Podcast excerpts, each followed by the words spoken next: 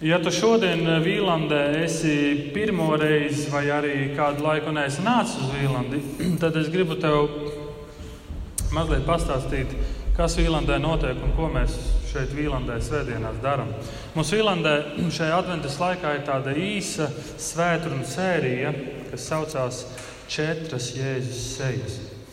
Ir četri evaņģēlīji, un mēs no katra evaņģēlīja skatījuma skatāmies, ko katrs evaņģēlijs atklāja par Kristu, kādu Kristu rāda. Un visi, ja tā varētu teikt, visi četri evaņģēlīji uzglezno šo unikālo Jēzus portretu. Un tāpēc, ja tev nav bijusi, iepriekš, bijusi iespēja būt šeit Vīlandē iepriekš, tu vari noklausīties svētdienas mūsu mājaslapā. Un šodien mūsu sērija noslēdzas. Un šodien mūsu tēma, jeb tā Jēzus seja, ko mēs apskatām, ir Dieva dēls, pats Dievs. Pirmie trīs evaņģēlīji, pirmajos trīs evaņģēlijos ļoti daudz kas ir kopīgs. Mateja evaņģēlijas, Marka un Lūkas, un tur tie notikumi ļoti daudz atkārtojās, un mēs ļoti daudz ieraudzītu līdzības. Un, un šie evaņģēliji tiek saukti arī kā um, um, sinoptiskie evaņģēliji. Un, skatoties uz šiem evaņģēliem, mēs esam skatījušies, ka Mateja evaņģēlijas Jēzu parāda, jeb apraksta kā ķēniņu, kuram jānāk. Marka evaņģēlijas Jēzu raksturo kā kalpu. Un pagājušajā svētdienā mēs skatījāmies uz Lūkas evaņģēliju, un mēs redzējām, ka Lūkas evaņģēlijas Jēzu apraksta un zīmē, glezno kā cilvēku. Un šodien mēs esam nonākuši pie 4. evaņģēlija, kurš ir atšķirīgs no pirmiem trīs. Notikumi ir, ir garāki, daudz detalizētāk aprakstītas sarunas. Un, un, tiek mērķiecīgi, Jānis mērķiecīgi izvēlas notikumus, kurus viņš grib aprakstīt. Viņš mērķiecīgi apraksta, ieliek brīnumus, ko Jēzus ir darījis. Un, un to visu viņš dara ar mērķi, lai parādītu, kas tad ir Jēzus. Jāņa evanģēlijs ir tāds, varētu teikt, tāds teoloģiski sarežģītākais evanģēlijs. Un tad, kad es lasu Jāņa evanģēliju, tad, kad es un vispār lasot evanģēlijus, es pamanu, ka pie Jēzus nāk daudz cilvēku. Un viena lieta, kas šiem cilvēkiem interesē, viņi nāk pie Jēzus un jautā šo vienu jautājumu: Kas tu esi? Ko tu pats par sevi saki? Kas tu tāds esi? Un Jēzum, šiem cilvēkiem šis jautājums ir svarīgs, un Jēzus negrib palikt atbildi parādā. Un Jēzus tāpēc ļoti grib atbildēt, lai visi saprotu, kas Jēzus ir. Kas Jēzus ir. Un Lūkas evanģēlīja 9. nodaļā ir notikums, kur uh,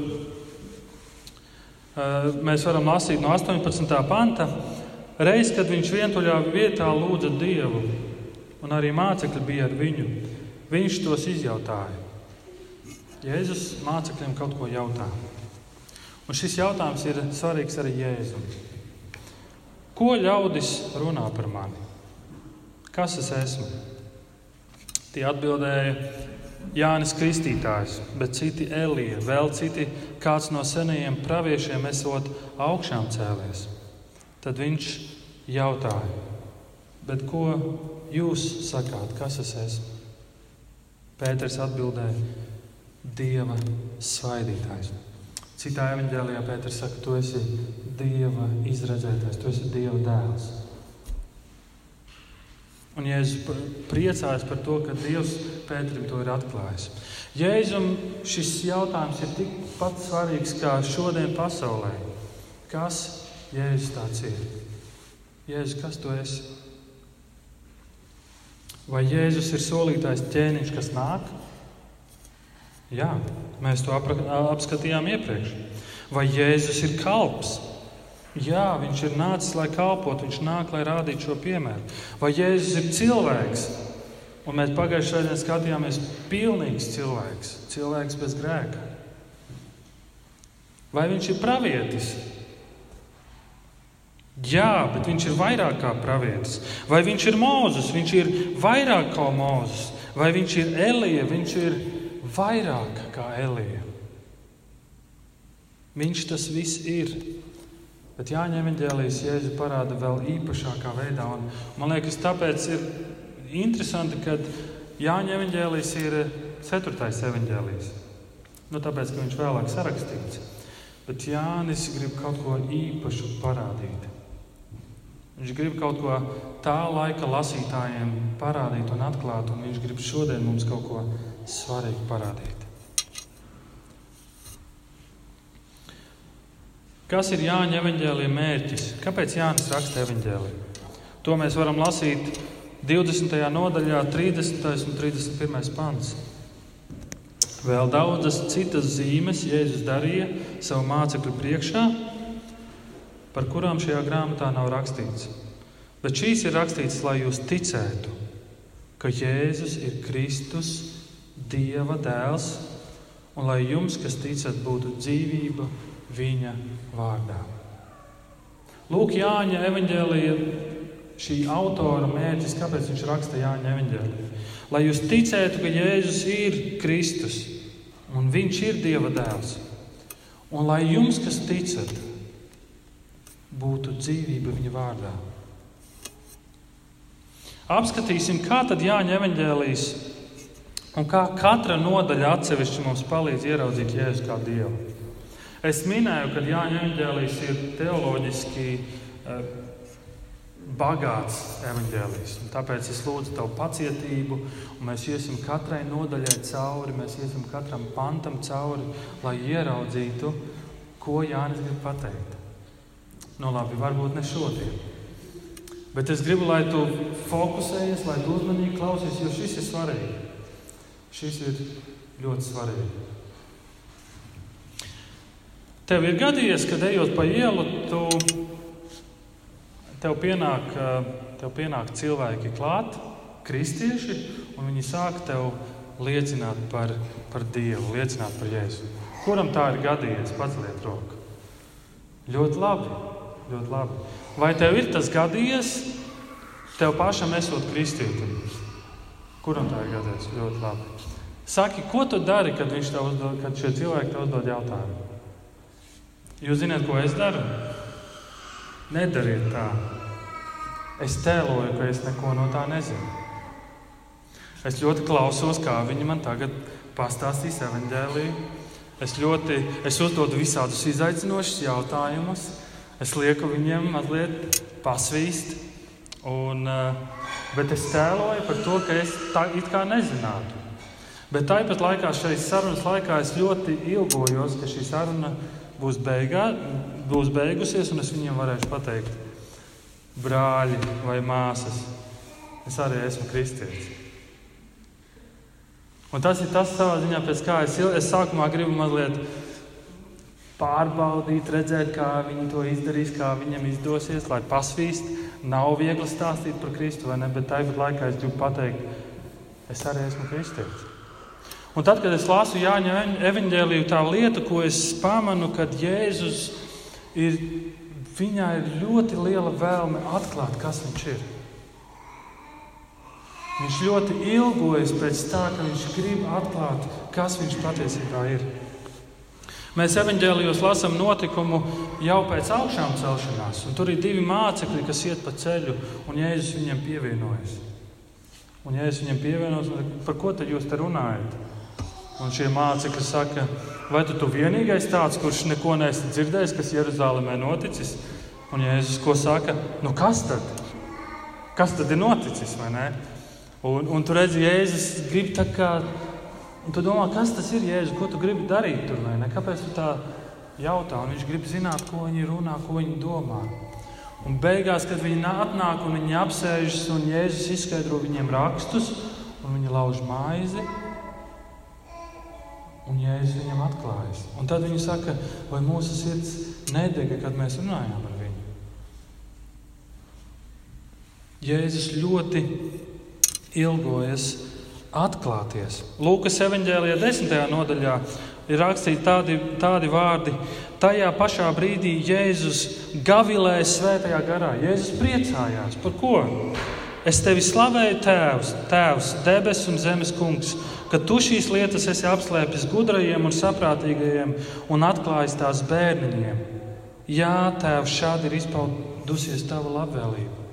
Jēzus priecājas par to, kad, ko Tēvs un kam Tēvs ir atklāja, atklājies. Jēzus par to priecājas. Un Ziemassvētku vēsts un notikums ir Dieva labvēlība. Un tā lielākā dieva dāvana ir, kad Dievs nāk un atklājas. Jāņa evanģēlijā nav not, Ziemassvētku notikums kā citos evanģēlijos. Tur nav notikums, Jēzus piedzima Betlemē un, un Silītē un tādas lietas. Tur nav. Bet Jāņa evanģēlijas, to, ko brālis Zigmārs jau lasīja, sākas ar tādu skaistu ievadu tik bagātu ievadu, ka mēs varētu veselu sēriju uztaisīt par šo ievadu. Tāda kā dzēja. Ka iesākumā bija vārds, un vārds bija pie Dieva, un vārds bija Dievs. Un šis vārds logos tiek lietots. Un šis vārds logos, kuram ir nozīme gan grieķu valodā, gan arī jūdiem. Un Jānis raksta ar mēķi, lai saprotu gan vienu, gan otru. Un šajā pirmajā nodaļā, 14. pants, saka, vārds kļuva miesa un mājoja mūsu vidū. Vārds kļuva miesa. Lūk, Ziemassvētku notikums, bet citādā veidā. Lūk, kristietības centrālā doma. Lūk, kristietības viena no galvenajām domām ir Dievs atnāk uz šo pasauli un mājo mūsu vidū. Un Jāņa evanģēlijā ir ļoti daudz eh, sasaistes paralēlas ar veco derību. Un, un mājoja nozīmē vecajā derībā ir telts, kas tiek būvēta. Tiek uzcelta telts, lai dieva godība tur būtu. Dievs vienmēr no laika gala ir gribējis būt ar savu tautu. Viņš mājoja te, teltī, viņš mājoja templī, dieva godību. Un tagad Ziemassvētkos skaistais notikums, skaistais laiks. Jahve, Dievs. Un Jahve nozīmē, es esmu, es esmu ar jums, es mājoju jūsu vidū. Lūk, kristietības svarīga un centrālā doma - es esmu ar jums. Es esmu ar jums. Un tad, kad mēs e, ejam cauri Jāņa evanģēliem, tad mēs varētu jautāt, ok, Jāni, kā tu mums rādi Jēzu kā Dievu? Kas ir tas, ko tu dari? Un, lai mēs to apskatītos, ir ļoti svarīgi, ka mēs paliekam pie pagājušās svētdienas, kad Markus sludināja un teica, ka Jēzus ir pilnīgs cilvēks. Paskatīsimies, ko šis cilvēks dara. Otrajā nodaļā mēs lasām, šis cilvēks, Jēzus, kuram ir sekotāji, viņi sauc viņu par, mā, par skolotāju. Viņš aiziet uz kādām kāzām, un viņš dara savu pirmo brīnumu. Viņš pārvērš ūdeni vīnā. Tad, kad ballītei jau būtu jābeidzas, viņš dara kaut ko tādu, lai ballīte turpinās vēl nedēļu, no nu, varbūt trīs dienas. Bet vecajā derībā dieva glābšana tiek salīdzināta ar lieliem svētkiem, kad visi tiek ieaicināti. Un tad, kad tu redzi, kad, ko šis cilvēks Jēzus dara, ka viņš ūdeni pārvērš vīnā un dod iespēju, ka balīti turpinās, tad tu redzi, viņš savā ziņā šī zīme, šis brīnums kaut ko parāda par viņu un par to, kas viņu ir sūtījis. Ko tu domātu, ja tu būtu tur un tu redzētu šo brīnumu? Vai tu redzētu un ieraudzītu, ka viņš ir Dievs? Pēc tam vēlāk, turpat pēc šiem svētkiem, viņi dodas uz templi un tur ir paskāla svētki. Un, ja es ieeju templī, ko viņš tur redz? Daudz tirgotāju tirgojas. Un, ja es skatās uz to, uz, uz to, kas notiek, un viņš lēnām no virvēm pina tādu plētni. Skatās, un lēnām, es nezinu, cik ilgs laiks vajadzīgs, lai uzpītu plētni. Viņš uzpina plētni un iet un iztīra templi. Un, viņš, un šis cilvēks, ja mēs sakām, šis cilvēks saka šādus vārdus: Nojauciet šo templi, un es trīs dienās to uzcelšu. Un, ja tu dzirdētu šos vārdus no cilvēka, un tu būtu tur, ko tu domā par šo cilvēku? Jūcis, Šim kaut kas, kaut kas kaut ko par daudz salasījies. Jāņa 3. un 4. nodaļa tur ir saruna. Pie Jēzus atnāk kāds farizējs, pie Jēzus atnāk Nikodēms. Un, un, un Patiesībā būtu interesanti papētīt, kāpēc viņš vispār nāk, vai viņš grib jēzus dabūt savā pusē un teikt, nu mēs jau vispār esam vienā pusē, vai, ne? vai, vai, vai ir kaut kas cits, bet viņš nāk naktī un jēzus uzreiz maina tematu.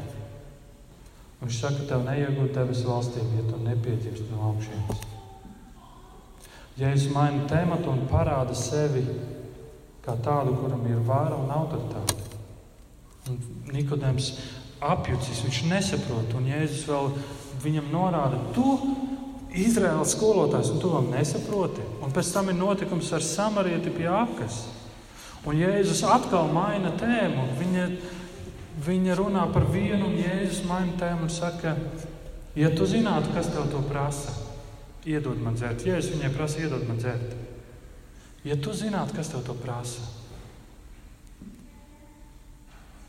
tu no viņa prasītu, lai viņš tev to dzertu. Jo tas ūdens, ko, jo tas ūdens, ko es dodu, un ja tu dzersi no šī ūdens, tev nekad neslāps. Tev nekad neslāps. Ko tu domātu par šādu cilvēku, ja tu dzirdētu šādus vārdus? Ūdeni, ko es dodu, tev nekad neslāps. Un Jāņa evanģēlijā Jānis uzmanīgi ieliek, jūs atcerieties, mēs lasījām, kas ir Jāņa evanģēlijā mērķis. Lai mēs ticētu, ka Jēzus ir Kristus Dieva dēls un lai viņā mums būtu dzīvība. Un viņš saka, un vēl daudzus citus notikumus, brīnumus Jēzus ir darījis, kurus Jānis šeit nav ierakstījis. Bet kāpēc Jānis ir ierakstījis tieši šitos notikumus, tieši šīs zīmes, tieši šos brīnumus? Lai parādītu kaut ko svarīgu. Jēzus dara, viņš dziedina aklo. Viņš pārēdina piecus tūkstošus. Mēģini iztēloties un iedomāties to realitātē.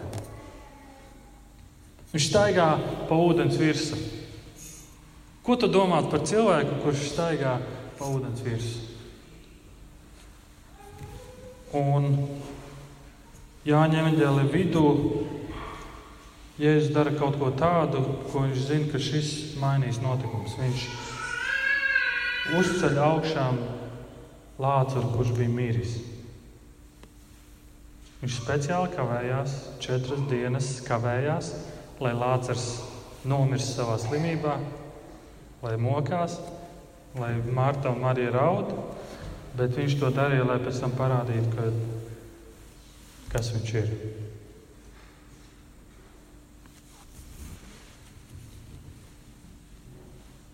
Vecajā darbā, kad Dievs sevi parāda, viņš saka vārdus: Es esmu. Es esmu, kas es esmu. Un tad, kad viņš satiekas ar mūzu, tad ir degošais sēkšņu krūms, tad viņš uh, ir ebreju valodā ehveh, es esmu, kas es esmu, un jahveh, kad es būšu kopā ar jums. Es būšu kopā ar jums. Un šis vārds es esmu parāda, Dievs sevi apzīmē ar vārdiem es esmu. Un interesanti, ka Jāņa evanģēlijā septiņas reizes Jēzus sevi apzīmē ar vārdiem: Es esmu dzīvības maize, pasaules gaisma, durvis savīm, labais gans, augšām celšanās un dzīvība, ceļš, patiesība un dzīvība, īstais vīna koks. Es esmu. Un šī apzīmēšana, kad viņš sevi tā apzīmē, tik ļoti sanika no farizējas, jo viņi ļoti labi saprot, ko Jēzus saka. Viņš saprot, ka viņš salīdzina sevi ar Dievu. Viņš saka, ka viņš ir jānovāc, jānogalina, jo viņš saimo Dievu.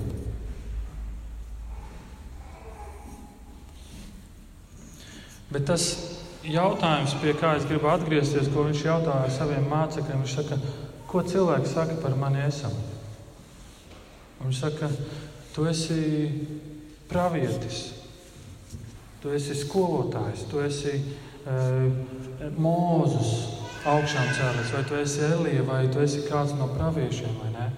Un tu redzi visu, ko cilvēki domā, visu, ko cilvēki sauc, nevienu no tiem tauta nepielūdza. Skolotāju tu nepielūdz, pravieti tu nepielūdz. Un tāpēc Jēzus, un Jēzus griežas pie mācekļiem un saka, bet ko jūs par mani domājat? Pēters saka, tu esi Dieva svētais, tu esi Dieva dēls. Tu esi tas, kurš ir jāpielūdz. Un Jēzus šo ļoti, ļoti svarīgo lietu grib, lai mēs saprotam. Tikai Dievs ir tas, kurš spēj piedot grēkus. Un jāņem ģēlē, ja es saku, tev tev grēki ir piedot, ej un negrēko vairs. Kurš cilvēks to var teikt? Tikai Dievs to spēj teikt.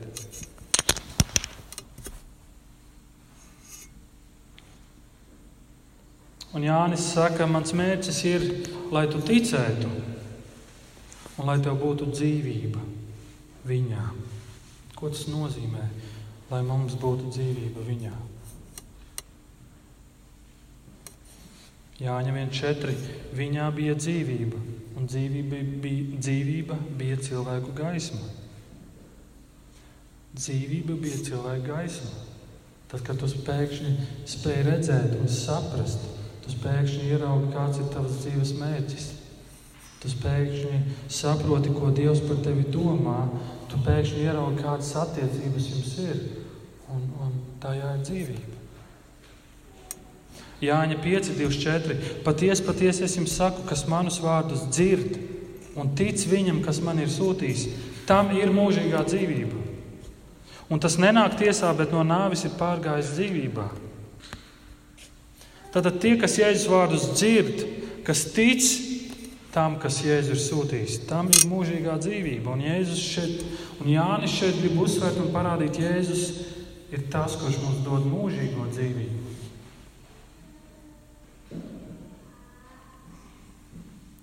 Un tad vienā vietā Jēzus saka šos vārdus: Es esmu dzīvības maize, un viņš saviem sekotājiem saka, ja jūs mani nēdīsiet, ja jūs nēdīsiet manu miesu, jūs atceraties šo vietu, ja jūs nedzersiet manas asinis, nav jums daļa pie manis. Un daudziem sekotājiem šie vārdi ir tik grūti, ka daudzi aiziet. Tad Jēzus sacīja tiem 12, Jāņa 6, 67. Vai jūs arī gribat aiziet? Un Pētera atbilde ir, un atkal māceklis Pēters, Kungs, pie kā mēs iesim? Tev ir mūžīgās dzīvības vārdi, un mēs ticam un esam atzinuši, ka tu esi Dieva svētājs. Pie kā mēs iesim? Pie kā mēs iesim, Jēzu? Vai pie tiem, kas saka, ka grēks tas nav nekas nopietns? Beigās taču Dievs piedos tik un tā visiem. Dievs taču ir mīlestība. Vienalga, kā tu esi dzīvojis, Dievs piedos visiem, jo Dievs mīl visus. Vai mēs iesim pie tādiem? Vai arī iesim pie tādiem, kuri noliedz vispār Dieva eksistenci? Vai tas būs glābiņš manām problēmām? Ja tu iesi pie tādiem, tad tev jānoliedz viss, tev jānoliedz vēsture, tev jānoliedz fakti, tev jānoliedz tik daudz. Tev jādzīvo tādā tik lielā noliegumā. Un Jēzus saka, un Pēters saka, pie kā gan Jēzus mēs iesim? Tev ir mūžīgās dzīvības vārdi. Mēs gribam šo dzīvību. Es dzirdēju kādu citātu. Baigi patika. Ja tu esi apmierināts ar to, kam tici un uz ko paļaujies, ja tu esi apmierināts ar to, kam tici un uz ko paļaujies, un ja tu esi apmierināts ar to, nelasi Bībeli. Jo pretējā gadījumā tā apgāzīs visu tavu dzīvi kājām gaisā. Jo tad, kad tu lasīsi, tad, kad tu iedziļināsies, tu ieraudzīsi patiesību, ko Kristus parāda par to, uz ko tu ceri, uz ko tu paļaujies, kas ir tā tava lielā cerība.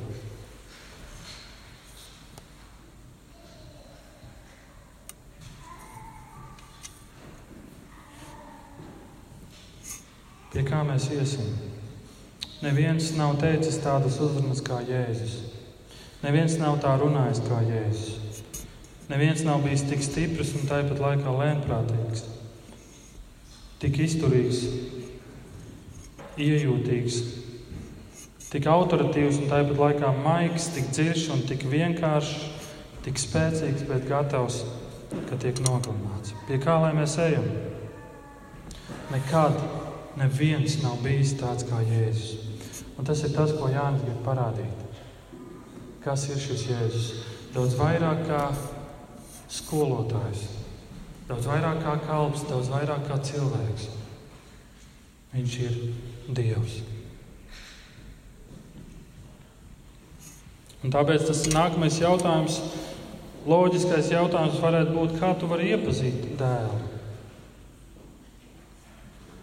Mātei 11, ir 27. pantā ir rakstīts, Mans tēvs man ir devis visu, un neviens nepazīst dēlu kā vien tēvs, nec tēvu kā vien dēls, un kam dēls vēlas to atklāt. Tad, kad Jēzus jautā saviem mācekļiem šo otro jautājumu, ko jūs par mani sakāt, Jēzus saka, tu esi Kristus dzīvā Dieva dēls, un jūs zināt, ko Jēzus saka? Mans tēvs tev to ir atklājis. Laimīgs tu esi sīmani, jo nevis miesa un asinis tev to atklāja. Nevis tavs prāts un tava spriedelēšana vai tavas studijas tev to ir atklājušas, bet mans tēvs. Prāts ir svarīgs, domāt ir svarīgi, cīnīties ir svarīgi, studēt ir svarīgi. Bet tajā visā, lai tu atklātu, kas ir Jēzus, kāds viņš ir un lai iepazītu viņu, ir jānotiek dieva darbam pie cilvēka. Ir jānotiek dieva darbam. Jo tas ir tas, ko Dievs dara. Viņš nāk un atklāj sevi. Un tas ir Dieva brīnums. Un tā ir tā Ziemassvētku vēsts, ko mēs gribam sludināt. Un ir svarīgi, lai sludināšana un mācība ir skaidra. Un tas ir tas, ko Jēzus mācekļi vēlāk ļoti darīja. Viņi pasludināja Jēzu Kristu, un viņi centās to darīt labi un skaidri. Bet nepietiek vien ar intelektuālu izpratni. Pārliecinoši vārdi nespēja atvērt mūsu sirds acis.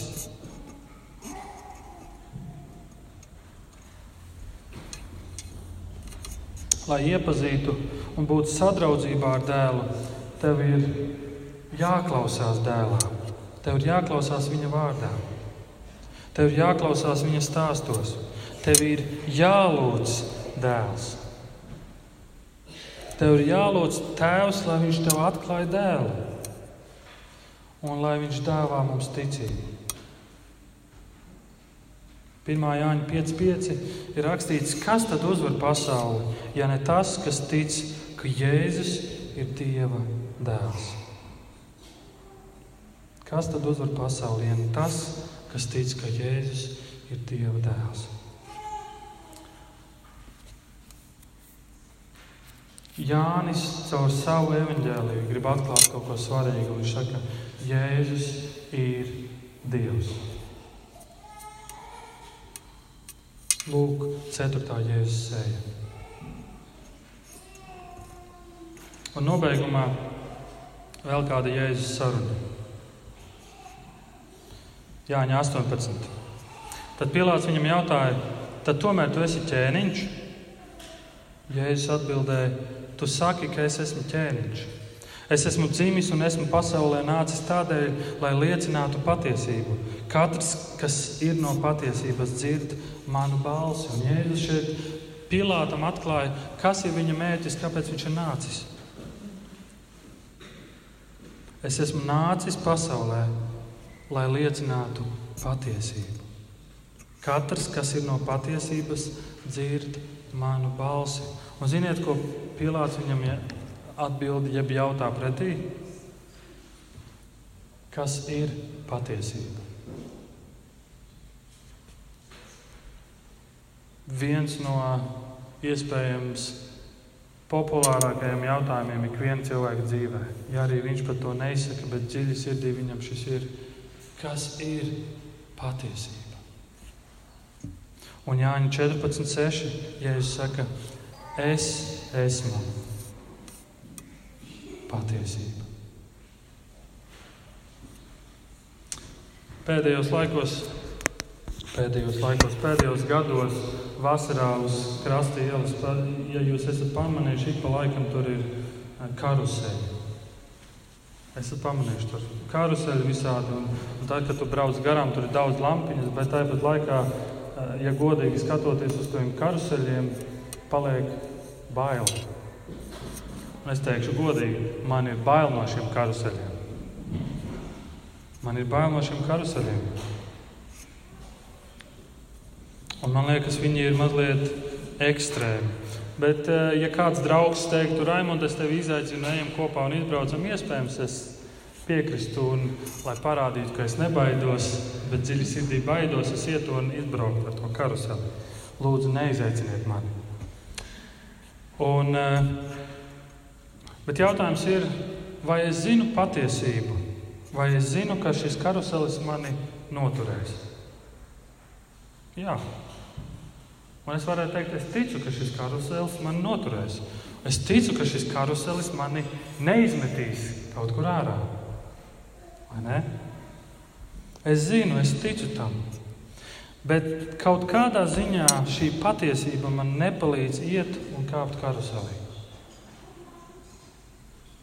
Kaut kādā ziņā šī patiesība man nepalīdz.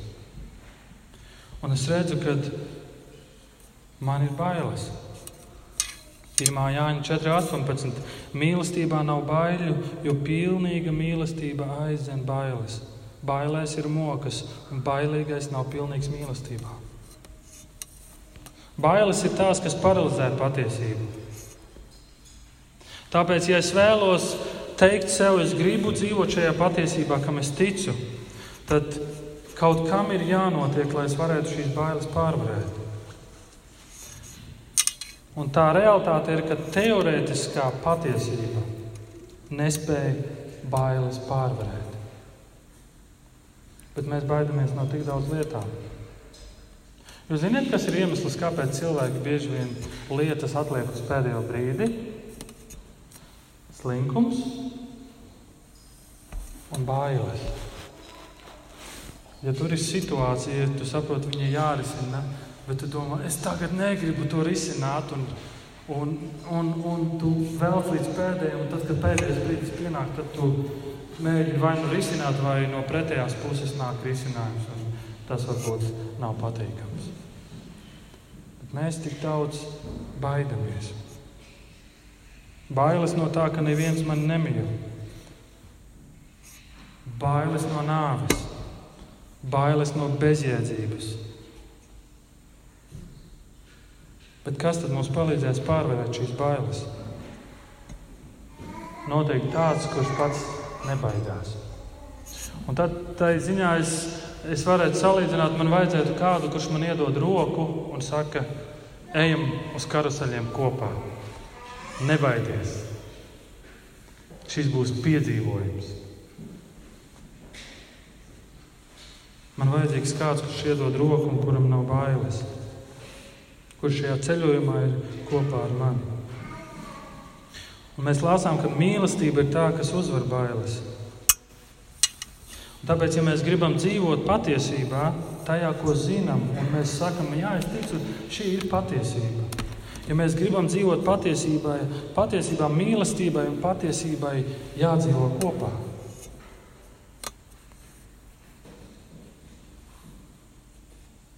Pāvils Tesaloniķiešiem raksta, ka tie, kas nemīl patiesību, tie, kas nemīl patiesību, tie, kas ignorē, neklausās, tie cilvēki ir bojā.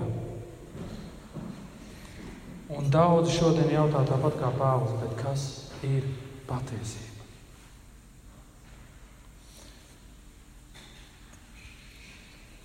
Kā lai iemīl to, ko nezinām? Vai mums ir jāmīl zināšanas? Vai mums ir jāmīl fakti, vai mums ir jāmīl teikumi, vai mums ir jāmīl idejas? Kad tu pēdējo reizi esi iemīlējis kādu teikumu? Varbūt es izlasīju kādu citātu, un tev liekas, oh, šis ir tik skaists, un es viņu izprintēšu un pielikšu pie sienas. Un tad paiet laiks, un šis citāts tavā dzīvē vairs neko nenozīmē. Un tāpēc Jēzus saka šos vārdus Jāņa 5. nodaļā: Jūs pētāt rakstus, jo jūs domājat, tur gūt mūžīgo dzīvību. Un tie ir, kas liecina par mani. Bet jūs negribat nākt pie manis, lai jums būtu dzīvība. Jēzus saka, es esmu patiesība. Viņš saka, skaties uz mani. Jēzus patiesību padara tik personīgu, ka viņš dod iespēju to iemīlēt. Viņš saka, es esmu patiesība. Tā vairs nav ideja, ko citas reliģijas sludina, ko citi reliģiju vadītāji saka, ej un dari tā un tā. Viņš saka, es esmu patiesība. Neviena ideja, neviena ideoloģija nav tev jautājusi, mīli mani, mīli mani, mīli mani. Jēzus Pēterim trīs reizes saka, Pēter, vai tu mani mīli? Pēter, vai tu mani mīli? Pēter, vai tu man mīli? Un, ja es saku, es esmu patiesība, un tu šai patiesībai vari uzticēties, un šī patiesība tev var iedot roku un iet ar tevi kopā. Šī patiesība tevi vadīs. Šī patiesība tev rādīs gaismu. Šī patiesība tev palīdzēs saprast, kā dzīvot šajā pasaulē. Ja es saku, es esmu šī patiesība, vai tu mīli mani? Vai tu mīli mani?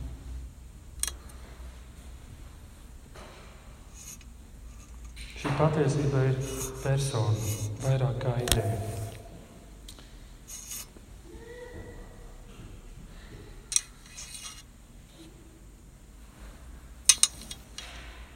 Pirmā Jāņa 40 ir rakstīts, šī ir mīlestība. Nevis mēs esam mīlējuši Dievu, bet Viņš ir mīlējis mūs un sūtījis savu dēlu.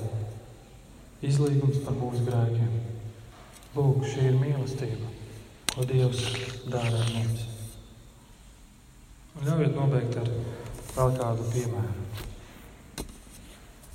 Divas meitas izveidoja kādu video, uzfilmēja video un kura mērķis bija sagatavot māmiņu dienas apsveikumu.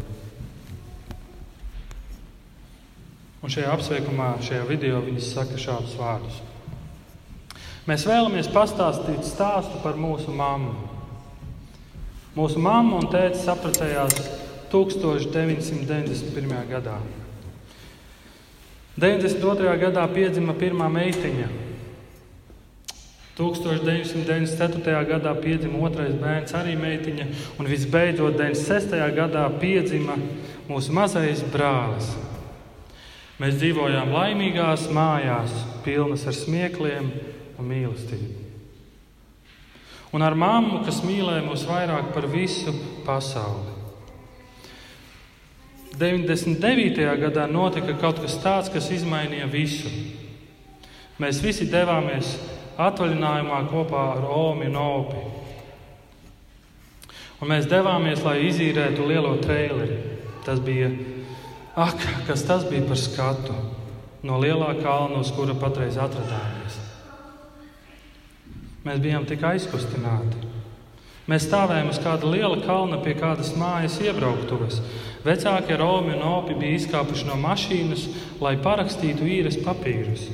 Mēs bērni palikām mašīnā. Neņemot vērā to, ka mašīnas atslēgas atradās pie mammas, kaut kāda iemesla dēļ šis lielais traileris sāka ripot. Tieši virzienā uz klints malu.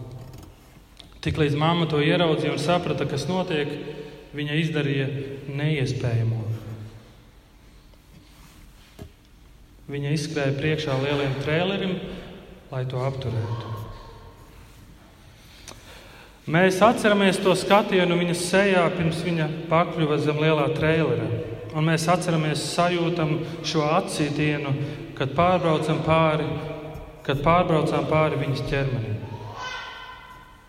Šis atsitiens izglāba mūsu dzīvības. Tas samazināja trēlera ātrumu, lai opis paspētu noraut rokas bremzi. Trēlerim pārbraucot, mamma varēja nomirt uz vietas, bet notika brīnums, un mamma izdzīvoja. Bet tas salauza mammas muguru. Viņa nekad vairs nevarēja pastaigāt. Bet mamma saka, ka viņa to nemainītu ne pret ko, jo tas izglāba viņas trīs bērnus. Viņa ir mūsu klints. Viņa ir mūsu labākais draugs. Viņa ir vislabākā mamma pasaulē. Jāņa 3.16. Jo tik ļoti Dievs pasauli mīlējis, ka Viņš devis savu vienpiedzimušo dēlu, lai neviens, kas viņam tic, nepazustu, bet dabūtu mūžīgo dzīvību. Amen. Lūksim Dievu. Debes Tēvs, paldies par Tavu vārdu, paldies par to, ka eh, Tavs vārds ir eh, tik dziļš un mēs varam tik daudz mācīties. Un paldies, ka Tu esi mums atklājis tēvu, un kad mums tēvs atklāja, kas esi Tu. Un, Jēzus, cik svarīgi šodien pasaulē, kad cilvēki ierauga, ka tu neesi tikai skolotājs, ka tu neesi kāds no praviešiem, tu neesi vienkārši mācītājs, bet tu esi Dievs, kurš jāpielūdz. Vienīgais Dievs. Palīdz, ka mēs tevi pielūdzam un dodam godu tev, tādu godu, kādu tu esi cienīgs saņemt un ka mēs visai pasaulē skaidri varam teikt, Jēzu, kas tu esi. Un paldies, ka tu esi patiesība. Paldies, ka tu esi blakus. Un paldies par šo Ziemassvētku skaisto vēstu, ka tu saki, es esmu ar jums. Svētī mūs savā vārdā. Amen.